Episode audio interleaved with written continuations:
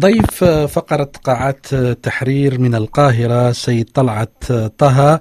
بعد التحية نتحدث عن الجدل الذي أثير على مواقع التواصل الاجتماعي حول ما عرف بقضية تبليط. كان هناك يعني ما هي صحة الأخبار؟ ما الذي أشيع؟ وتم ربما إعلانه للمصريين وأثار جدل. آه الهرم الهرم الأصغر تحديدا وهو الهرم الذي آه بني سنة 2632 قبل الميلاد. آه ارتفاعه 66 متر. هو في بداياته وما وصلنا عنه أنه لم يكتمل في عهد منقورة لأن كان في ظروف اقتصادية تحيط ذلك. ده طبقا للخراطيش أو المعلومات أو البرديات التي وصلت إلى إلينا وحاولنا أن نصل اليه لا يوجد شيء اسمه تبليط الهرم ولكن هو كساء الهرم وإن صح التعبير إعادة الهرم إلى ما كان عليه في البدايات الأولى أو محاولة الوصول إلى شكله الذي كان عليه في البدايات الأولى من بنائه. ولن هو سوف يكون مشروع كبير جدا جدا جدا. وربما الأسبوع الماضي حدث نوع من أنواع اللغط والجدال والمناقشات وما يسمى تبليط الهرم وما يسمى أننا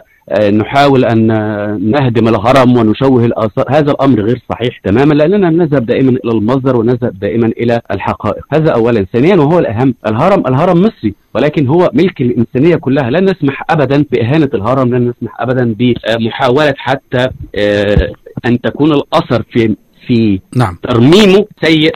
لن نسمح بهذا الأمر. ولولا أن تدخل الدكتور زي حواس وهو الذي نثق فيه وحسم الجدل تماما وقال إنه سوف يشكل لجنة من المتخصصين برئاسته هو وذلك لمحاولة جعل بيانات أكثر تمر صحفي يوضح فيه الحقائق أكثر ولكن زي حواس نفسه اعترف وقال هناك خطأ خطأ أننا لم نعلن عن هذا الأمر قبل بداية المشروع وبدأنا المشروع وكاننا الأمر أمر عادي. نعم.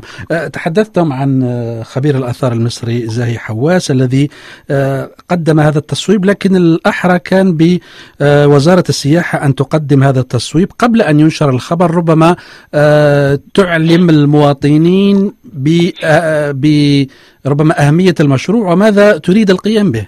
فعلا هو خطأ من وزارة السياحة والآثار ومن الدكتور مصطفى وزيري إنه لم يعلن عن هذا الأمر قبل ذلك وإن اللجنة تم تشكيلها تشكيلها أثناء العمل نفسه أو قبله بفترة قليلة جدا ولم يعلن عن ذلك وترك البعض على صفحات التواصل الاجتماعي على صفحات الميديا على صفحات الجرائد والمواقع بتشويه السياحة المصرية بكلام ليس له من الدقة شيء. لكن الآثار تحديدا تحتاج إلى متخصصين للحديث عنها أو عليها لأن الأمر ليس سهل جدا. هذا الهرم الهرم اللي يعد من عجائب الدنيا كلها ليس ملكا لأحد هو ملك للبشرية. ولكن ما يحدث الآن في هرم منكورع المشهور عندنا في مصر باسم منكرع هو ما يحدث الآن هو دراسة وتوثيق الجدار الجرانيتي لأنه كان في البداية كان يوجد كساء جرانيتي وذلك تمهيدا لإعادة تركيبها وليس تركيبها يعني إحنا لسه بيحاولوا يشوفوا لأن المسألة مسألة معقدة وعلمية